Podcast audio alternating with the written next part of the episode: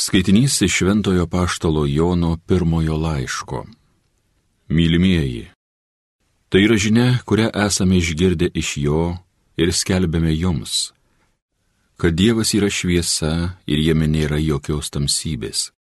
Jei sakytume, kad bendraujame su juo, o vaikščiotume tamsoje, meluotume ir nevykdytume tiesos. O jei vaikščiojame šviesoje, kaip ir jis yra šviesoje, Mes bendraujame vieni su kitais, o jo sūnaus Jėzaus kraujas apvalo mus nuo visų nuodėmių. Jei sakytume, kad neturime nuodėmės, klaidintume patys save ir nebūtų mumyse tiesos. Jeigu išpažįstame savo nuodėmės, jis ištikimas ir teisingas, kad atleistų mums nuodėmės ir apvalytų mus nuo visų nedorybių. Jei sakytume, kad nesame nusidėję, mes jį darytume melagiu ir nebūtų mumyse jo žodžio. Mano vaikeliai, aš jums tai rašau, kad nenusidėtumėte. O jei kuris nusidėtų, tai turime užtarėję pas tėvą, teisų į Jėzų Kristų. Jis yra permaldavimas už mūsų nuodėmės ir ne tik už mūsų, bet ir už viso pasaulio. Tai Dievo žodis.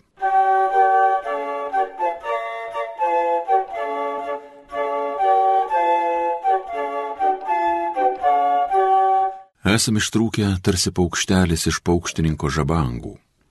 Jeigu ne viešpats, kas būtų buvę, kai priešai užpuolė, būtų mus gyvus suėdę, jie siuto ant mūsų. Esame ištrūkę tarsi paukštelis iš paukštininko žabangų.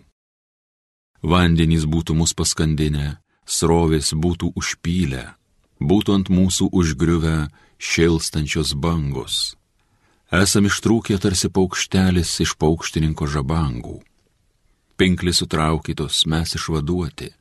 Mums padeda viešpats dangaus ir žemės kūrėjas. Esam ištrūkę tarsi paukštelis iš paukštininko žabangų. Alleluja, alleluja, alleluja, alleluja. Tave Dieve garbinam, tave viešpatie išpažįstam, tave spindinčios kankinių gretos šlovina. Alleluja, alleluja, alleluja. Iš Evangelijos pagal matą.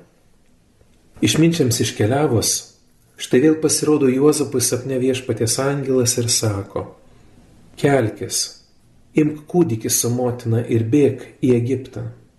Pasilik ten, kol tau pasakysiu, nes Erodas ieškos kūdikio norėdamas jį nužudyti. Atsikėlęs nakčia Juozapas pasėmė kūdikį ir motiną ir pasitraukė į Egiptą. Ten jis prabuvo iki Erodo mirties, kad išsipildytų viešpatie žodžiai pasakyti prie pranašo. Iš Egipto pašaukiau savo sūnų. Herodas pamatęs, kad jį išminčia apvylė, baisiai įniršo ir pasiuntęs kareivius išžudė Betliejuje ir jo apylinkėje visus berniukus dviejų metų ir jaunesnius pagal laiką, kurį buvo patyręs iš išminčio. Tuomet išsipildė pranašo Jeremijo žodžiai. Pasigirdo šauksmas ramoje, garsios dejonės ir aimanos. Tai Rachelė rauda savo vaikų ir niekas jau jos nepaguos, nes jų nebėra.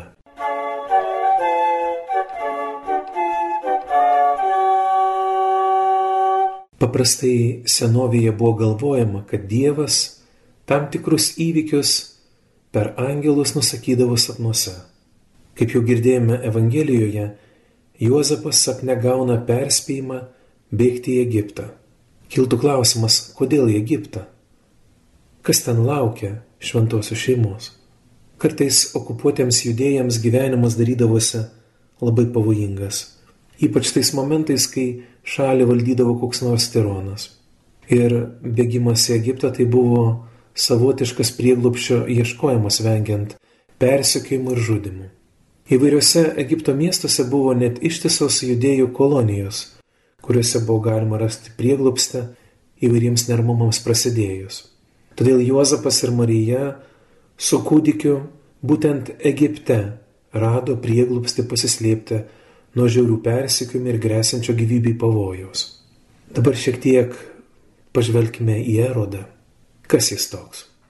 Net ir šiais laikais žiaurų žmonės kartais vadina tiesiog erodais. Šis vardas jau savyje nešioja užkoduotą žiaurumą. Iš tiesų, erodas buvo žiaurus žmogus. Vos tik tapęs karaliumi, jis ėmė žudyti Sinedriono narius, kurie atstovavo aukščiausią judėjų teismą. Vėliau jis nužudė virš 300 savo dvariškio, savo motiną Marijamną, jos motiną Aleksandrą, kiek vėliau savo vyriausiai sūnų Antipatrą ir kitus du savo sūnus Aleksandrą bei Aristovulą. Galų gale žiaurumui nebuvo ribų. Jis netgi prieš pat mirtį įsakė išžudyti pačius žymiausius Jeruzalės vyrus. Tai kaip pastebėjome, šiam žmogui žiaurumui ribų nebuvo. Tad nereikėtų manyti, jog išgirdę žinę apie naujagimį, kuris turės tapti karaliumi, Erodas ramiai būtų jautęsis. Kūdikio žiaurus įžudimas Betliejuje ir jo apylinkėse, žvelgiant erodiškų žvilgsnių, tai normalus susidorojimas su tariamu pretendentu į sostą.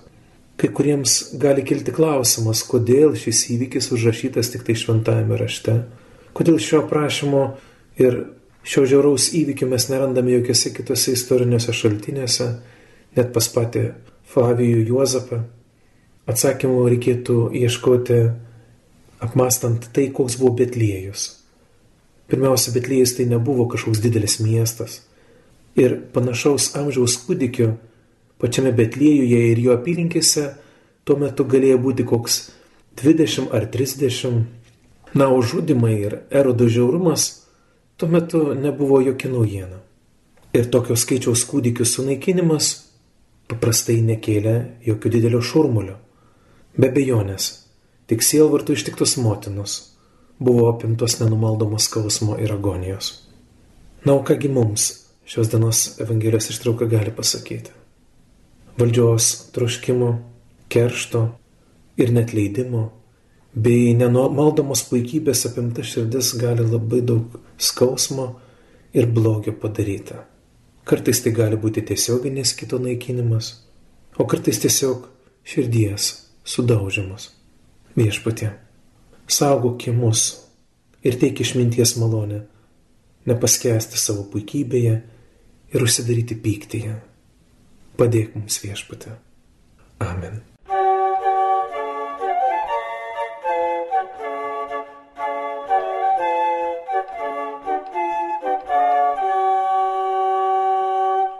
Homilija sakė kunigas Rolandas Karpavičius.